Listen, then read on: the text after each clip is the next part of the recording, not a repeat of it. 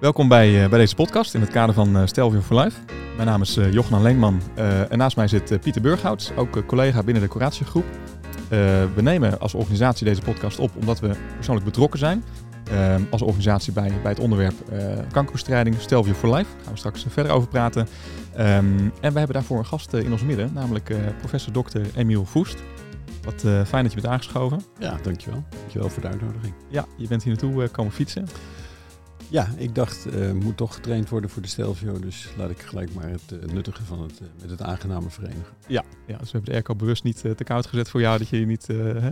Zo is dat. Je wil niet een tochtje hebben en dan nog niet ermee kunnen fietsen. Dat zou toch heel zonde zijn. Maar wij, hebben, wij kunnen inderdaad bevestigen dat hij net heeft gefietst. Hè? Hij kwam ja, ja, de fiets aan. absoluut. Een uh, prachtige uh, rode fiets en een, uh, een heel mooi strak pak Stelvio for Life. Cancer, we are taking it personally. Dus dat is de mooiste intro die we ons konden voorstellen, Emiel. Ja, ja we voelen ons wat overdressed. Maar ja, wat, wat fijn dat je bent aangeschoven. Um, is het oké dat we elkaar tutoyeren absoluut, in dit gesprek? Absoluut. Ik, ja, professor, dokter is natuurlijk een hele mond vol. Ik kan me voorstellen dat het voor jullie ook ingewikkeld is als jullie steeds mijn titels moeten bedenken. Hè? Dat dan laten we dat gewoon maar even achterwege laten. Ja, dat zijn er vijf, dus dat is uh, niet meer te doen. Nee, dat houdt op een gegeven moment op.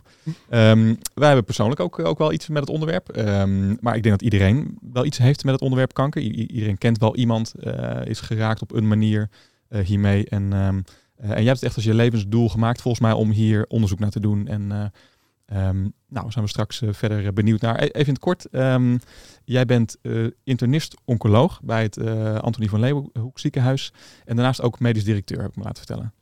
Um, ik, ik ben zeker internist-oncoloog en ook in het Antonie van Leeuwenhoek en ik ben tot 2021 ben ik medisch directeur geweest. Oh, okay. Dus dat heb ik zeven jaar gedaan en toen hadden we de strategie voor de komende tien jaar vastgesteld en leek het mij een mooi natuurlijk moment om ook weer andere dingen te gaan doen.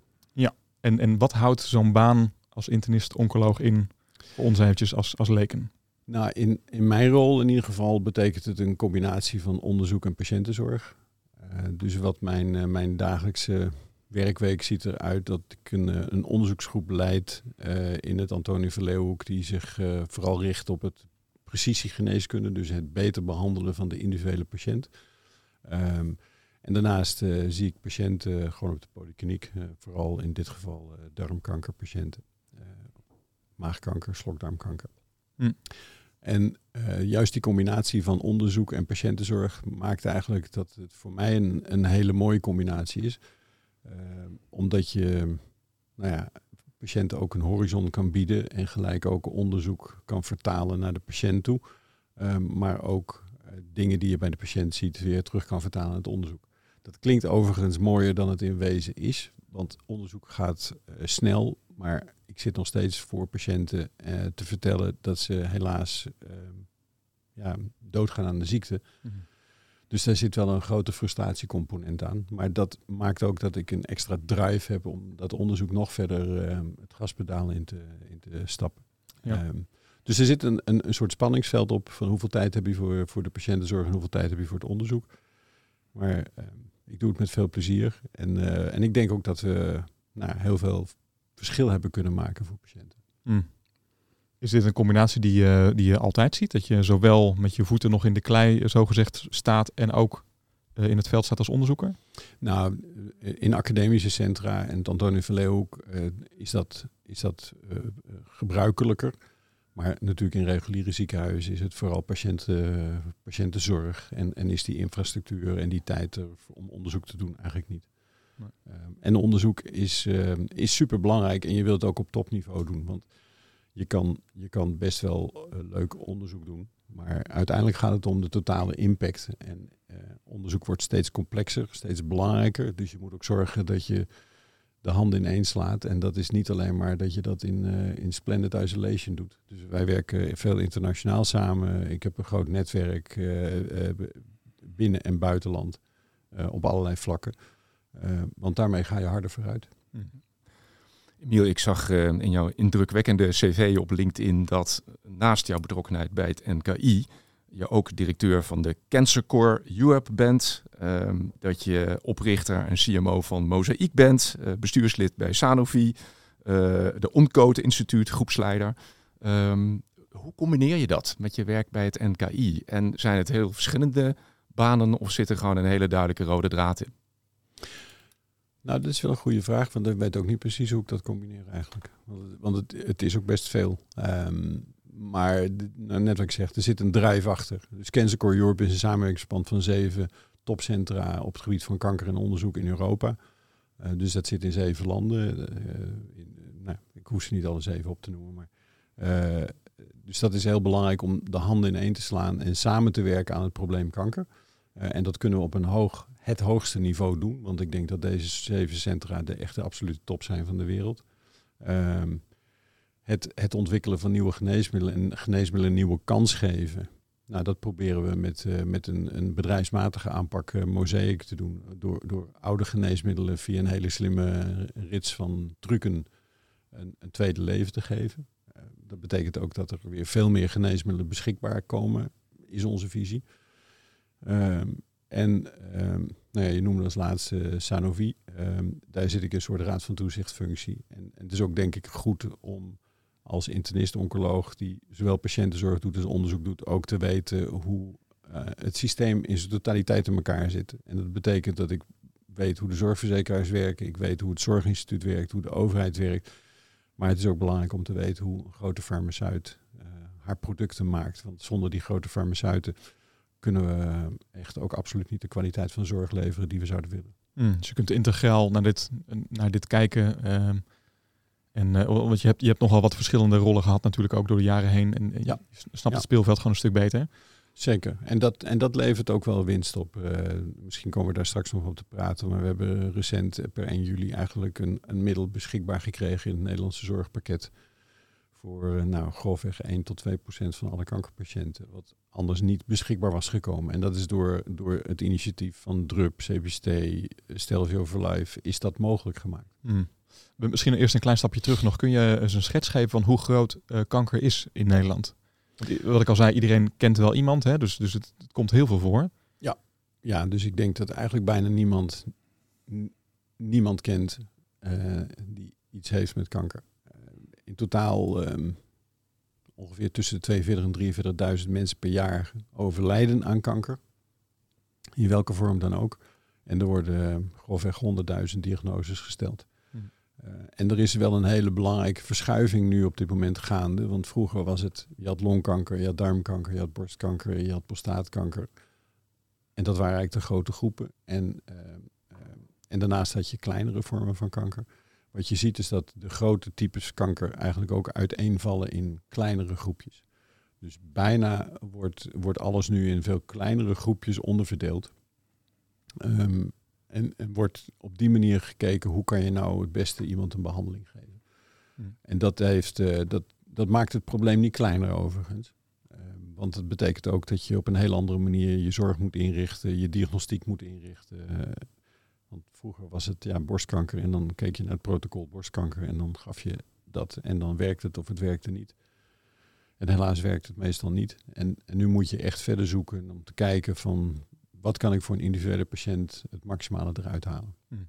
Dus wat je nu al zegt, volgens mij weten heel veel mensen dat niet. Hè? Dat, je, dat je dus clustert in kleinere vormen van, van kanker. Dus de meeste mensen kijken er volgens mij naar, naar inderdaad, dit is borstkanker, dit is longkanker, dit is huidkanker. Uh, maar het, het, is dus veel complexer. Daar gaat volgens mij een deel van je onderzoek ook over. Hè? Dat, dat elke vorm van kanker is uniek uh, en verdient eigenlijk ook een maatwerkbehandeling. Ja. Ja, waarbij het wel goed is om te beseffen dat er verschillende fases zijn in kanker. Hè. Je hebt de, de eerste fase, als de tumor ergens gevonden wordt en je kan met een operatie, uh, al dan niet aangevuld met, met uh, uh, een bestraling of misschien nog wat medicijnen, kan je een genezende werking proberen te bereiken. als tumoren één keer uitgezaaid zijn, dan is het vaak heel erg lastig om ze dan te genezen. Um, dus er zitten verschillende fases aan. En vandaar dat wij ook uh, in, in algemene zin, als we praten over kanker, hebben gezegd uh, in de strategie voor het Antonie van laten we nou ook investeren in het vroegere stuk. Dat we proberen in een vroege fase eigenlijk al uh, kanker op te sporen. Want dan is het met veel minder moeite een veel grotere kans om iemand te genezen. En eigenlijk hadden we daar nooit de technologieën voor. maar door een enorme ontwikkeling in beeldvorming, in andere soorten diagnostiek, uh, maar ook dingen als machine learning, uh, artificial intelligence, gaat het steeds beter mogelijk worden om die data bij elkaar te brengen. Ehm, en dat kan je nu ook weer in twee zinnen uitspreken. Maar dat wordt echt voor de komende tien jaar uh, een unieke kans om, om dan echt impact te maken. Hm. Ik denk dat we daar, uh, daar uitgebreid over verder gaan, Jochenan. Dat we echt gaan kijken van uh, wat is uh, de toekomst zeg maar, van de behandeling van, van kanker. Misschien nog um, even terug. Ik, ik, denk juist door ervaring van iedereen, van, van familie, van kennis van vrienden die aan deze ziekte lijden, lijkt het ook zware kost. En um, maar jij zei ook, laten we dit vooral een podcast zijn over de hoop en over de, over de toekomst. Kun je misschien iets vertellen over, uh, ondanks het feit dat het zware kosten, wat jou eigenlijk dagelijks drijft om je, je ziel en zaligheid in te stoppen om eigenlijk de volgende generatie van, uh, van behandeling van kanker uh, vorm te geven? Um, ja, je weet nooit helemaal precies waar nou die intrinsieke drijfveer vandaan komt. Maar van jongs af aan altijd een soort fascinatie met het onderwerp gehad. Maar ook de biologie van kanker. Uh, maar ook als je patiënten voor je hebt. Uh, en, en ik zie ze van heel jong tot heel oud. Uh, je bent als oncoloog in hele korte tijd gewoon een heel intiem onderdeel van iemands leven. Eh, ik kan feitelijk alles vragen over alles. Want het zijn hele belangrijke onderdelen. En, en dus je wordt in een hele korte tijd word je een onderdeel van, van een gezin, uh, van een familie. En dat, dat is heel kostbaar. Daar probeer ik altijd ook heel kostbaar mee om te gaan. Heel zorgvuldig mee om te gaan. want als je iemand snapt, dan lukt het ook beter om de juiste persoonlijke snaar te raken. Vertrouwen is zo ongelooflijk belangrijk als je een oncoloog bent en je hebt een patiënt voor je als je in angst zit over kanker en je hebt het idee dat je elke keer nog over je schouder moet kijken of die oncoloog wel zijn uiterste best doet, dat wil je er niet bij hebben. Dus vertrouwen is super belangrijk. En um, nou ja, dat betekent ook dat je dus elke keer als je met mensen praat over kanker, probeert te kijken wat kan ik nog meer betekenen, wat kan ik dat stapje extra nog doen. En uh, nou realiseer ik me ook dat wij in een, in een Antonie Verleeuw, maar ook in academisch centra net iets ruimer in ons jasje zitten qua tijd. Um, maar ik denk dat dat voor elke patiënt gewoon absoluut essentieel is. Dat je nooit het gevoel hebt dat, je, dat iemand de, de tijd in de gaten zit te houden, maar dat je gewoon je ei kwijt kan. En dan ook zeker ervan overtuigd mag zijn dat je de beste behandeling krijgt. Is dat dan alles wat je doet? Hè? Dat uh, gaat over, uh, je, je, bent actief als wetenschapper, als bestuurder, als arts. Is dan de belangrijkste drijfveer van jou het arts zijn en de patiëntenzorg?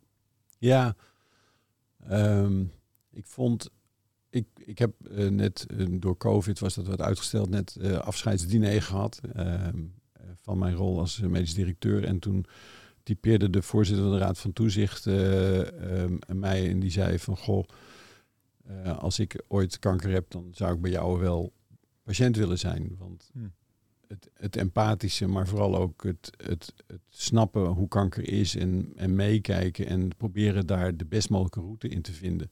En soms is dat ook een route die niet leidt tot genezing, maar gewoon het feit dat je er bent en meedenkt. Eh, ja, dat vond ik eigenlijk wel een mooi compliment. Mm, ja, mooi. Dus het, dat, typ, dat typeert mij denk ik wel als, uh, als persoon. Dat ik, ik ben primair dokter, uh, onderzoeker. Pas, pas heel ver daarna bestuurder.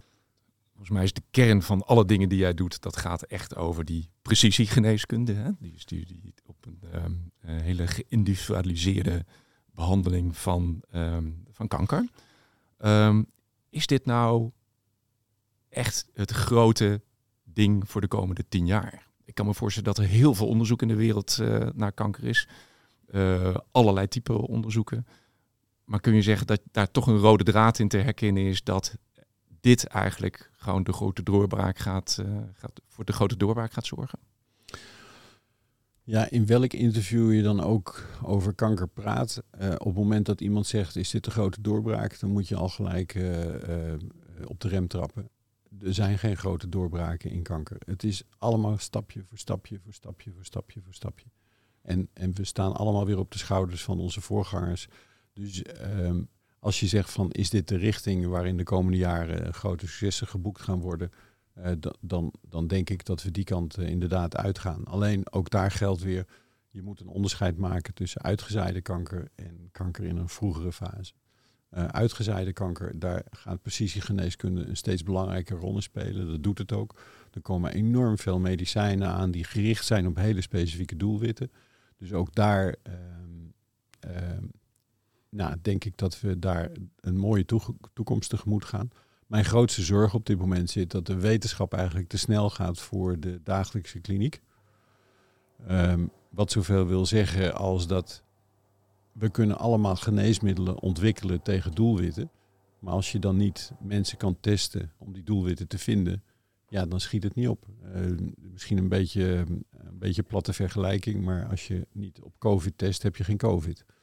Uh, en met kanker is het nog schrijnender, want daar zijn hele mooie geneesmiddelen die beschikbaar zijn voor patiënten, ook vergoed worden voor patiënten. Maar als je maar 10% van die mensen vindt omdat er niet voldoende getest wordt, ja, dan is dat gewoon zonde. En, en dat wordt in de komende jaren wel steeds erger als we niet uitkijken. Hm. Want, uh, zit dit dan nog in een soort experimentele fase? En um, wordt het alleen toegepast op mensen die ja, eigenlijk geen weinig perspectief meer hebben met de reguliere behandelingen? Nou, er worden voortdurend nieuwe geneesmiddelen getest en die beginnen vaak bij mensen uh, die, die uitbehandeld zijn. Dat vind ik altijd een naar woord, maar in ieder geval door de reguliere behandeling heen zijn. Um, maar er zijn heel veel medicijnen die op dit moment gewoon standaard zorg zijn. Die beschikbaar zijn, in het zorgpakket zitten, goedgekeurd zijn door de autoriteiten. Uh, alleen dan moet je die medicijnen wel kunnen geven en moet je dus mensen kunnen identificeren. Dus de diagnostiek op dit moment is het de grootste bottleneck. Als je ziet hoeveel medicijnen er aankomen, maar daar maak ik me niet zoveel zorgen over. En, en dat gaat in de komende jaren alleen nog maar verder versnellen. Maar diagnostiek, hm. dat, dat is op dit moment echt een kritiek punt. Hm. Wat ik begreep is dat jullie ook bezig zijn om een database aan te leggen de afgelopen jaren, of misschien al langer, um, met, met verschillende DNA's. Hè. Dus je, zoals ik het goed heb begrepen, je, je uh, probeert het DNA te, te, te vangen van zo'n tumor, dat vast te leggen en dat te, te, vergelijken en te kijken wat voor een type uh, kanker is dit dus en, en wat voor een soort behandeling werkt daar dan tegen. Nou, dat leg je vast in een database en hoe groter die database is, hoe, hoe makkelijker je dus kunt vergelijken dan ook weer. Om te kijken, is de, deze behandelmethode misschien effectief, want het is in het verleden ook uh, uh, op deze manier behandeld bijvoorbeeld.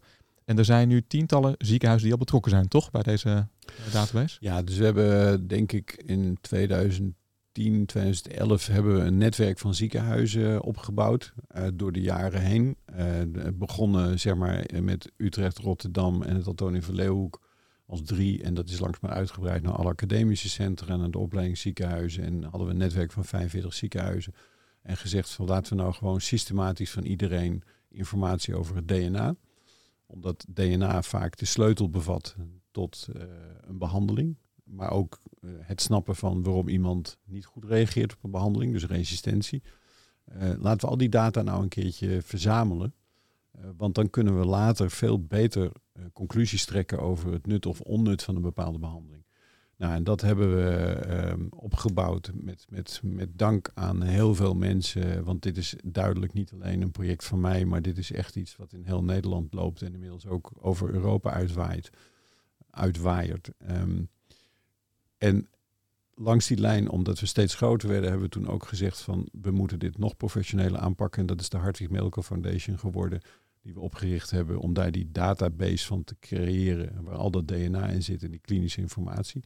En dat is nu een, een, een, een, een schat, uh, een goudmijn zeg maar, voor de, voor de hele wereld. En dat is denk ik ook belangrijk. Hè? Je kan niet kanker oplossen in splendid isolation, wat ik net al zei. Maar je hebt gewoon echt internationale samenwerking. Dus dit is nu data die door heel veel mensen uit heel veel landen gebruikt worden om gewoon ons verder te helpen. Hmm. En um, nou ja, dat vind ik wel een heel belangrijk ook punt om, om te maken. Uh, op het moment dat we daar nu bijvoorbeeld twintig jaar geleden al mee begonnen waren, hadden we heel veel overbehandeling kunnen voorkomen.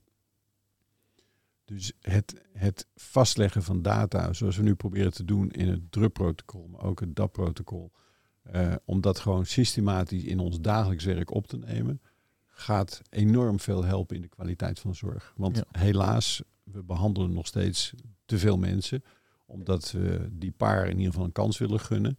Maar ja, uh, dat betekent toch dat je van de tien mensen die je behandelt er vaak drie um, een plezier kan doen, ja. maar zeven wel de bijwerkingen geeft.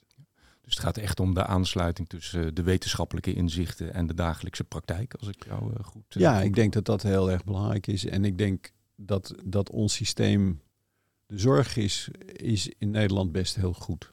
Ik denk dat we daar met z'n allen trots op mogen zijn. Maar ik denk ook dat de zorg een heel voorzichtig, conservatief systeem is. Ehm, en nu gaat de wetenschap opeens zo snel dat je eigenlijk ook aanpassingen wil hebben. Nou, en die aanpassingen in een zorgsysteem, die zijn best heel ingewikkeld. Want het is een soort enorme tanker die je probeert een klein beetje naar links of naar rechts te gaan, terwijl je eigenlijk een soort speedbootje wil hebben die heel snel met de bewegingen mee kan gaan. En als je weet hoe het systeem in elkaar zit, dan snap je ook dat, dat het een tanker is en zal blijven. Want we hebben allemaal te maken met een zorgpremie. Dus er liggen verantwoordelijkheden bij de zorgverzekeraar, bij het zorginstituut. Dat iedereen moet dat zorgvuldig bekijken. Dus opportunisme is, is niet heel erg hoog op de agenda. Eh, en terecht. Ehm, maar daarom is het wel zaak om te zorgen dat we elke keer die kansen die er zijn maximaal pakken en zoveel mogelijk data aanleveren die overtuigend genoeg zijn om te zeggen, ja, dit moeten we ook in het zorgpakket opnemen. Hmm. Ja, er zit een hele sterke bestuurlijke component eigenlijk hè, aan, aan de ontwikkelingen in dit onderzoek. En het verzamelen dus van die, van die ziekenhuizen. Zorgen dat het niet alleen in Nederland uh, plaatsvindt, maar ook dat je andere Europese landen erbij betrekt. Um, ja, samenspel met de farmaceuten, met de, de, met de politiek, met, met uh, de zorgverzekeraars. Uh, het is een heel breed speelveld waar een hele duidelijke bestuurlijke component ook volgens mij aan zit om succesvol zeker, te zijn. Zeker. Ja. Kijk, er gaat niks boven het plezier hebben met uh, jonge uh, onderzoekers, klinici die, die dingen uitvinden, ontdekken, de drive, de, de, weet je, dat, dat, dat, dat laat de accu, enorm op. Maar als je wat ouder bent, kan het heel mooi zijn dat je dat doet met een klein teampje. Maar als het dan niet ergens landt in een systeem, um, het bestuurlijk, het zij organisatorisch, ja, dan is dat gewoon echt zonde. Dus ik heb enorm veel respect gekregen, ook, ook door mijn eigen tijd in de raad van bestuur van Totoni Verlee, ook enorm veel respect gekregen voor bestuurders. er wordt al heel snel een beetje gemopperd op managers en bestuurders. En, en, en natuurlijk zullen er ook bij zijn die het allemaal misschien wat minder goed doen. Maar gewoon een, een zorgsysteem besturen is best een hele grote uitdaging. En eh, nou ja, ik weet langzamerhand door de jaren heen hoe dingen werken. En juist door bruggen te slaan en vertrouwen te kweken en transparant te zijn, zie je ook dat het daardoor veel makkelijker wordt om dingen voor elkaar te krijgen. Hmm. Emiel, zou je eens een voorbeeld kunnen geven uit de dagelijkse praktijk waarbij een patiënt een ongelooflijke goede resultaten zijn geboekt met deze precisiegeneeskunde? Nou, eh, we hebben uh, in, in Nederland uh, die Drug Rediscovery Protocol, de DRUP, gestart. En, en eigenlijk ehm, is dat gestart omdat we zeiden, als we dat DNA analyseren van al die patiënten, en dus niet alleen maar de grote, de frequent voorkomende tumortypen, maar ook de zeldzamere tumortypen, dan zagen we daar doelwitten in het DNA waar we eigenlijk een medicijn voor op de plank hadden, maar waar het middel eigenlijk niet voor geregistreerd was. Dus uh, in de registratiedossier wordt de Europese uh, registratieautoriteit, de EMA, bepaald of iets een, een, een marktautorisatie krijgt. En dan moet je data voor aanleveren. En als je dat label niet hebt, dan wordt het middel niet vergoed. Dan mag je het overigens wel voorschrijven. Maar ja, als iets 100.000 euro kost per jaar, gaat geen ziekenhuis dat kunnen betalen. Dus uh, wij zagen dat er steeds meer patiënten waren met een, een doelwit en een medicijn hadden we op de plank. Nou, daar hebben we toen gedacht, daar gaan we een oplossing voor vinden. En inmiddels hebben we dan de drupstudie. Daar zitten 35 geneesmiddelen in. Dat wordt nu in 35 ziekenhuizen, waarmee we denk ik bijna heel Nederland zo'n beetje coveren um, worden die medicijnen toegediend. En wat we zien is, nou ja, een van de, van de mooiste voorbeelden is eigenlijk dat als je een bepaalde tumor hebt met een MSI-profiel, nu wordt het iets technischer, maar een MSI-profiel wil zoiets zeggen dat je heel veel foutjes in het DNA hebt, waardoor uh, als je heel veel foutjes in het DNA hebt, word je wat makkelijker herkend door het immuunsysteem. Dat we een, een medicijn uh, een immunotherapie kunnen geven die gewoon echt heel goed werkt bij die patiëntenpopulatie. Dat, dan praten we echt over 1% van de patiënten. Dus over een heel klein aantal patiënten. Dus als je ze niet zoekt, vind je ze weer niet. Maar als je het hebt, heb je een hele grote kans dat je daarmee langdurig weer profijt kan hebben. Dus we hebben mensen die, die zeg maar uh, in de drugstudie zaten en dit profiel hadden, die eigenlijk afscheid genomen hadden van hun familie en, en nu jaren later aan het plannen zijn wat de vakantie is voor volgend jaar ik ben altijd een beetje voorzichtig met dit soort hele hoopvolle uh, voorbeelden. Want er zijn ook heel veel mensen die natuurlijk geen voordeel hebben gehad van dit soort behandelingen. Maar het geeft mij weer aan dat um, als je dan toch gewoon een aantal van dat soort patiënten zo'n perspectief kan bieden, is dat natuurlijk spectaculair. En we zijn er ook super trots op met z'n allen. Want nogmaals, dit is echt een team effort. dat nu door, een, door de DRUP-studie, waarbij we extra patiënten behandeld hebben, de data helemaal transparant behandeld hebben, dat zowel het Zorginstituut heeft gezegd, we hebben de data bekeken, dit voldoet aan alle criteria, we vinden dit top. Dat de beroepsgroep heeft gezegd van dit omarmen, dat de zorgverzekeraars hebben gezegd, wij doen dit in het zorgpakket. Terwijl uh, op Europees niveau eigenlijk het nog niet geregeld is. Dus in, in Nederland lopen we daar nu in voorop. En zie je ook dat heel veel landen om ons heen allemaal zeer geïnteresseerd zijn wat we nu in dat kleine gekke landje allemaal aan het doen zijn. Hmm, fantastisch, ja. Dus door echt successen te delen, krijg je ook op bestuurlijk niveau dingen voor elkaar. Ja, nou dat is een korte. Sorry dat ik zoveel tijd nodig had om. om dit ene zin. Pieter, ik zal de Je kleurt het heel mooi in. ik vind het heel indrukwekkend wat, uh, wat je doet uh, in dit werk. En, um, uh, en het, wordt, het wordt heel persoonlijk. En het, het gaat natuurlijk ook over gepersonaliseerde medicijnen, gepersonaliseerde behandeling.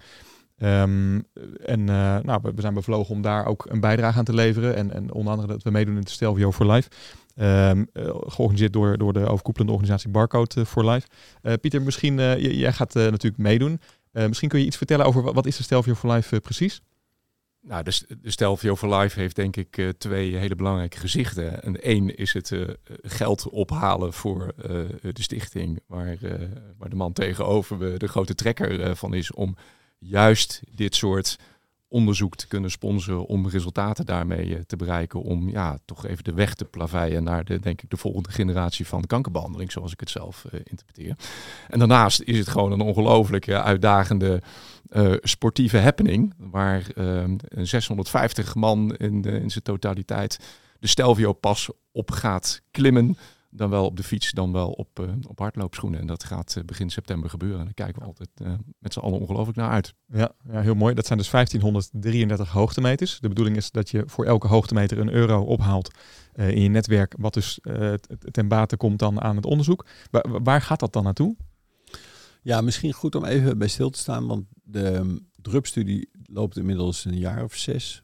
Um, en we hebben op dit moment meer dan 1200 patiënten een behandeling kunnen geven met die medicijnen die ik net noemde, die op de, op de plank lagen, maar die we nu op een andere manier inzetten.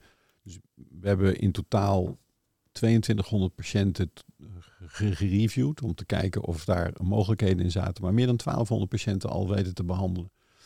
Um, en wat ook goed is, voor de luisteraars is, normaal gesproken worden dit soort grote studies, want ik denk dat dit de grootste studie die ooit in Nederland gedaan is, uh, worden dit soort studies door farmaceuten georganiseerd. En die hebben daar een heel apparaat voor. Dit is gewoon ondernemerschap van dokters en wetenschappers in Nederland. Uh, en ik wil in dit specifieke geval ook professor Henk Verheul en professor Hans Gelderblom noemen, die de medetrekkers zijn van dit onderzoek.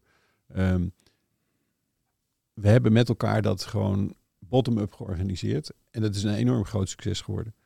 Um, maar wat we ook zien is dat we elk jaar, om dit in de lucht te houden, uh, een miljoen nodig hebben om, om dit in stand te houden. Dus dat geeft ook een beetje aan dat Stelvio for voor ons echt een levensader is om zo'n platform in stand te houden en dit mogelijk te maken voor patiënten die anders geen andere kansen meer hebben en geen toegang hebben tot dit soort medicijnen. Uh, en daarom ga ik ook elk jaar zelf die berg op. Uh, want ik weet het belang en ik weet als het er niet is, wat er dan allemaal mis zou kunnen gaan. Uh, dus die drive zit er ook nog een keer in. ook, een, ook een grote verantwoordelijkheid. en samen met het, met het KWF, die ook hier een belangrijke bijdrage in levert, ja, maakt dat we dit in stand kunnen houden. En dat uh, ook in Europa nu soortgelijke modellen, uh, drupstudies eigenlijk nu in, in heel veel landen gestart worden. Uh, waarbij we ook weer als enige voorwaarde hebben gezegd, laten we de data bij elkaar brengen. Want de data gaan ons helpen om uiteindelijk patiënten beter te behandelen.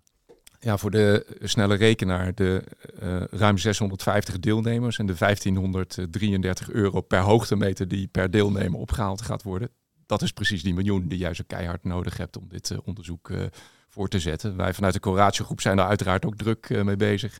Als we met 50 deelnemers gaan, dan zitten we ongeveer op de 78.000 euro die we opnemen.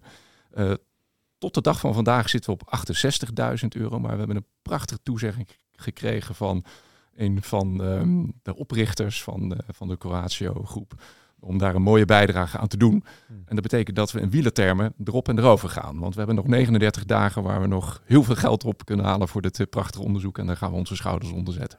Supermooi, supermooi. Je bent zelf ook een fietser, hebben we natuurlijk al geconstateerd. Ehm, heb je nog tips voor de, voor de fietsers die meegaan? Nou, de eerlijkheid gebied om te zeggen, ik heb nu toevallig een fietsoutfit aan omdat ik hier naartoe gefietst ben om een beetje te trainen. Maar ik, ik ben van nature geen fietser. Ik ben 90 kilo, 1,90 meter. Um, Vind je het fijn als wij ook ons gewicht noemen en onze lengte? Of nou, laten, we dat, uh... laten we dan ook nog de leeftijd bijna 63 noemen. Dus, um, ja. Ik ben niet van nature een echte fietser. Maar ik vind het wel heel leuk uh, om bezig te zijn. En de Stelvio is, um, nou ja, ik wil niemand bang maken, want dit is een programma van hoop. Um, maar de Stelvio is gewoon een monster na 2800 meter, 21,4 kilometer. En ik hecht er enorm aan om ook die 0,4 te benoemen. Uh, want elke meter telt uh, als je die berg opfietst. En vooral uh, de zuurstofschuld boven de 2000 meter, waar ook nog stukken van 12, 13 procent zitten, is gewoon, is gewoon een best een, een dingetje. en ik kan je vertellen, ik hoop ook dat de Coratio groep geen goede hardlopers heeft. Want ik ben inmiddels twee, drie keer ingehaald in die tien jaar door hardlopers. en daar heb ik nu een klein stokje voor bij me, dat als dat nog een keer gebeurt, dat ik in ieder geval ga zorgen dat het niet nog een keer uh, een hardloper mij voorbij loopt op een stuk van 12. Een, een klein stokje, een, een, vrij fysiek, uh, letterlijk stokje bedoel je? Nou, je moet het altijd een beetje positief blijven benaderen. Ja, maar ja. ik wil wel vast hardlopers waarschuwen. Ja, dat, dat, kom niet in de buurt van dokter, professor dokter Emiel Voest. Als je het al doet, duwen. Ja.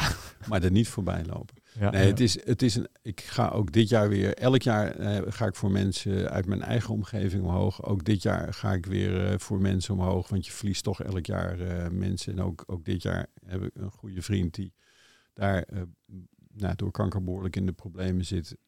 en je gaat omhoog en het feit dat je zo'n stuk fietst, um, toch op de, bovenop je macht van je kunnen.